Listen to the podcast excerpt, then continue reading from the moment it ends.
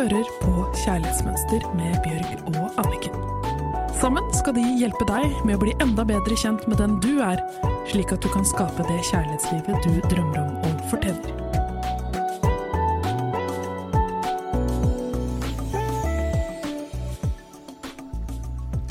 Velkommen til en ny episode! Woohoo! Altså, I dag så er det Ava som har bestemt hva vi skal snakke om. Ava spurte oss et spørsmål som hun vet svaret på, men hun tenkte at det kanskje du vil virkelig få definisjonen på hva er selvtillit versus Selvbilde. Ava, hva er grunnen til at du ville at vi skulle snakke om dette i dag? Jeg tenker jo at, man tenk, at eh, mange tenker at det er det samme. At hvis du har god selvtillit, så betyr det altså at du har et godt selvbilde. Eh, eller motsatt. Men så er det egentlig to helt forskjellige ting. Det er det, så la oss definere. Det er spennende. Hva er selvtillit? Begynner vi med det, så ser vi hva er et godt selvbilde etterpå. For meg så handler selvtillit sånn personlig handler det om eh, kvaliteter jeg har. Eh, hva jeg er god på. Eh, som handler mer om ytre ting for meg, mens eh, selvbildet handler om indre ting. Hvordan jeg er som person, og hvordan jeg tenker at andre oppfatter meg. Og Eh. hvordan du oppfatter deg selv. Ja, ikke minst. Om du er glad i deg selv. Mm. Om du har gått eh, mye egenkjærlighet. Nå begynte du å svare på hennes spørsmål, så da kan vi heller stille spørsmål til deg. Hva er forskjell på selvbilde og selvtillit, eh, Anniken? Nei, jeg syns Ava sa det helt, beskrev det helt riktig. Så hvorfor spurte du oss dette spørsmålet, Ava? Jeg tror Hvis man skal jobbe med seg selv og egenkjærlighet, så tror jeg det er viktig å vite forskjellen eh, på de to tingene.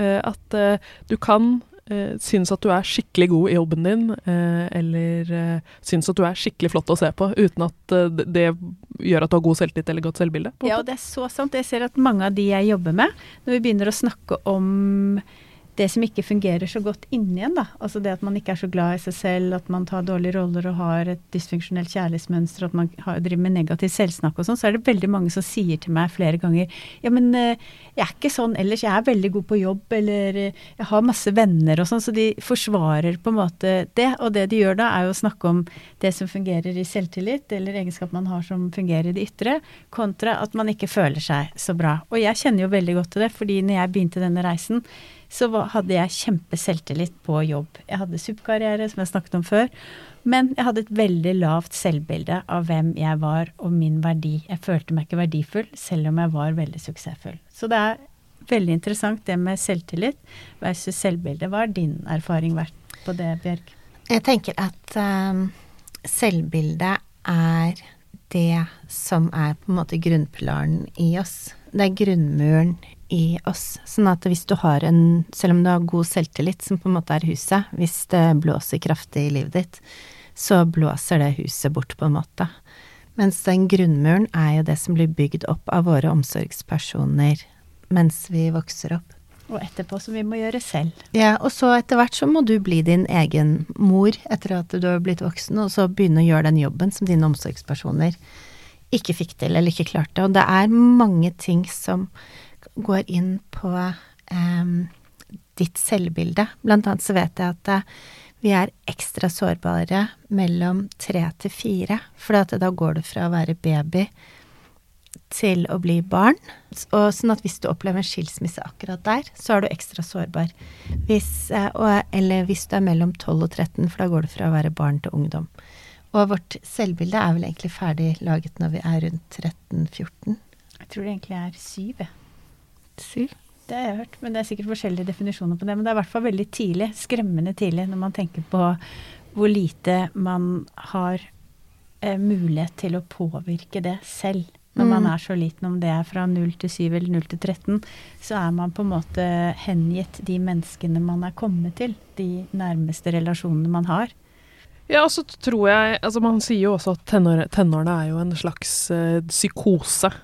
Og da hvis man ikke har de der grunnpilarene om hvem man er i tenårene, eh, hvor det er så viktig for eksempel, å passe inn, og det å tørre å skille seg ut eh, i de årene, så er, blir det jo vanskelig allerede da. Det er veldig spennende akkurat det du sier med ungdomstiden, fordi at eh, man ser at når man er på barneskolen, så kan man uansett hvordan selvbilde man har, komme seg gjennom det med en viss styrke, da. Men når du kommer på ungdomsskolen, så begynner man for første gang å kjenne at oi, jeg føler meg ikke bra nok.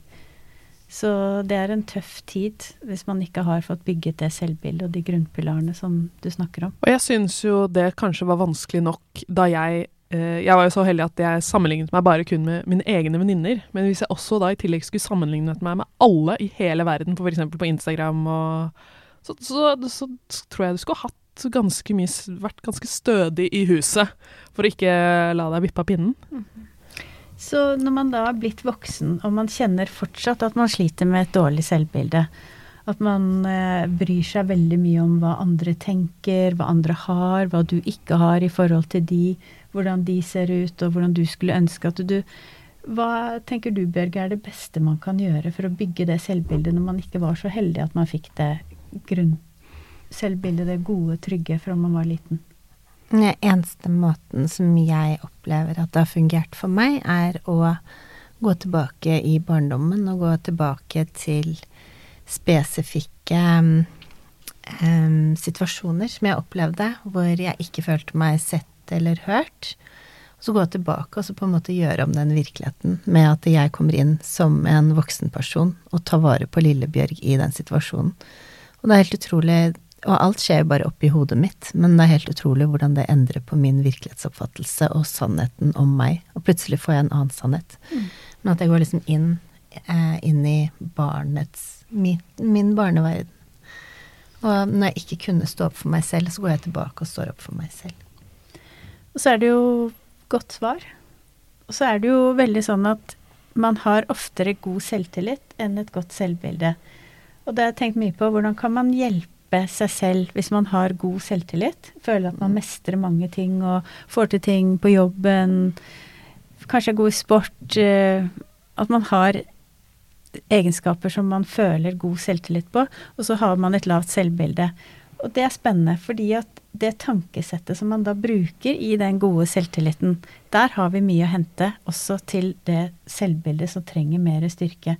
Og det er så rart, for ofte så opererer man på en måte hvor man føler seg sterk, og så går man over til det indre, og så blir man svak. Og så skjer det så automatisk at man merker ikke at alle de gode tingene som jeg tenkte og gjorde og valgte, som funket så bra for meg, det har jeg bare glemt når jeg går inn i det lave selvbildet. Så det å hente opp det beste ressursene i deg selv, det, se hva du tenker når du har god selvtillit. Se hva du bruker av deg selv når du har god selvtillit, og prøv å putte inn i selvbildet. For det er ofte f.eks. at man er mye med, mer selvrefererende.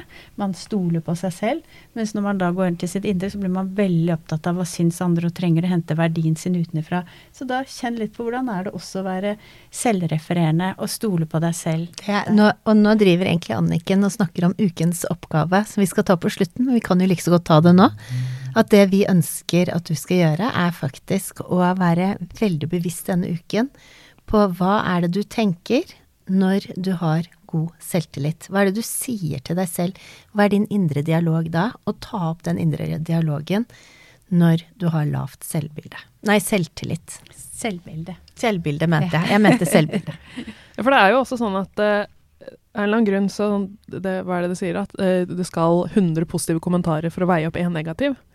Så det er jo sånn at vi suger til oss liksom, de negative kommentarene til folk som en svamp, mens de positive er mer sånn Nei, kutt ut. Altså, man, man, tar det ikke til seg. da. Man legger inn de positive, og så henter man inn de negative. Det er veldig spennende, fordi det er jo fordi man er mer i utrygghet? I, selv, i selvbildet. Fordi at hvis man hadde hørt masse gode ting, og man var i det trygge stedet i seg selv. Så hvis noen, hvis man har god selvtillit på jobb, da man får komplimenter, så tar man det til seg. Mens veldig ofte når noen sier noe personlig om det, da er du i det selvbildet hvor du kanskje ikke føler så god selv, at du ikke er så trygg. Og da hører man det ikke, for man er på det utrygge stedet. Og når man er utrygg, da tror man jo ikke på det noen sier. Så det kommer an på om du er i den trygge delen i det, eller i den utrygge. Men tror du det handler også litt om eh, Vi lever jo i et land der janteloven står ganske sterkt. Jeg merker jo at amerikanere f.eks. er ekstremt mye flinkere til å skryte av seg selv og ting de får til, enn en nordmenn er. Jeg gikk faktisk på amerikansk skole da jeg var liten. Og da husker jeg at det, vår oppgave en gang i engelsk, det var Write the best things about yourself. Det var sånn brag about yourself. Og da var det liksom bare å skrive en hel stil om alle mine positive sider og sånn. Så husker jeg at alle sto foran og leste høyt opp. I'm really, really good in football, and um, my drawings look really good, especially flowers. Like I'm really good at drawing flowers. Og alle bare yeah, yeah, yeah. Og så når du gjorde noe bra, så fikk du masse klistremerker, og det var sånn Og så kom jeg tilbake til norsk skole, og da bare eh, Jeg husker lillesøsteren min elsket å gå på skolen. Det var sånn Hun ble lei seg hver gang det var helg. Og så kom vi tilbake til Norge, og etter to dager så ville hun ikke mer på skolen. Så jeg tror vi trenger det å bli fora og vanna med positive ting og få lov til å skryte av oss selv. For selvbildet. Så det er vel vanskeligere å ha et godt selvbilde i Norge enn i andre land, kanskje. Jeg vet ikke. Hva tenker du, Anniken? Jeg tenker det er helt riktig det dere begge sier, at janteloven den, den gjelder sterkt her i Norge. Og det var noen som hadde holdt et foredrag på Island for der vet jeg at der er det ikke sånn i det mm. hele tatt. Så de hadde vært veldig sjokkert over at nordmenn tenker på den måten og trykker seg selv ned, og man ikke har lov til å fremheve det gode. Og mye av det jeg jobber med i coaching for å få egenkjærlighet på plass, det er jo å sette opp hva vet jeg konkret er sant om meg som er positivt. Mm. Og få det opp, og få fokus på det. Fordi at ellers så får man en følelse av at man skryter eller gjør noe galt hvis man snakker seg selv opp. Men det er jo det vi er nødt til å gjøre. Vi er nødt til å hente opp de gode sidene ved oss selv for å få et godt selvbilde. Og det er jo det vi gjør når vi har god selvtillit, så er det veldig ofte fordi man har fått god feedback. Både av seg selv, man vet at man mestrer det. Og det må vi også begynne å gjøre inni oss selv. Tørre å dra frem det positive og glemme janteloven. For den, den får man ikke selv, et godt selvbilde. Men jeg tror også at um det er veldig viktig å huske på at et godt selvbilde er bare den du er. Om mm. du hadde blitt satt inn liksom på et jorde med tusen andre mennesker, og dere gikk alle i samme klær og alt, at din verdi var den samme, selv om du ikke hadde det huset eller den bilen, eller ingen visste hva du jobbet med, eller at det, det å inni deg forstå For nå snakket jeg akkurat med en fyr som følte at han var, hadde mista hele sin verdi, for at han hadde måttet selge Porschen sin og hytta på fjellet, og eh, huset kom kanskje til å ryke nå, og da bare følte han at han var blitt verdiløs. Mm. For han, kameratene hans og vennene hadde jo alt, liksom, og han hadde ikke noen ting lenger siden han hadde tapt det nå i koronaen. Og da følte han at hans verdi forsvant, at hans Og det er vel hans selvbilde som da består i hva han har, og hvem han er, men ikke hvem han er inni seg. Mm. Eller hva han er, ikke hvem han er. Ja. Og det er veldig mange som eh, man leser om i avisen eller ser på sosiale medier, som har veldig mye. Og de har god selvtillit, men de har ikke et godt selvbilde. Og så er det mange man kan treffe som man ikke tenker har noe spesielt, fordi de har ikke en masse ytre ting eller en flott stilling man kan få god selvtillit av, men som har et enormt godt selvbilde. Og så går det an å ha begge deler både et godt selvbilde og god selvtillit. Og hvordan føler man seg da? Da er det jo en god balanse, for da kan man jo nyte der man har selvtillit med den gode følelsen om seg selv. Da slipper det å bare foregå der ute eller utenfor en selv. Da, da man, kjenner man på den indre gleden og roen overfor hvem man er hele tiden. Og det er jo den største gaven. Og vi vil si at det er målet med denne reisen som vi er på nå. Ja. Så da vil vi takke for oss og ønske deg en nydelig helg. Og så husk å gjøre den oppgaven som jeg nevnte, som var egentlig Anniken sin oppgave. På slutten av uken så kan du ha en oppsummering for deg selv når du har observert hvilke tanker du har når du er oppe og har god selvtillitsbilde. og hvilke tanker du eh, trenger da når du er lav. Du hørte akkurat podkasten Kjærlighetsmønster. Denne podkasten er produsert av Livslyst og Motivasjon, og produsenten har vært Ava Serr. Hvis du vil lese mer om kjærlighetsmønster, gå inn på kjærlighetsmønster.no.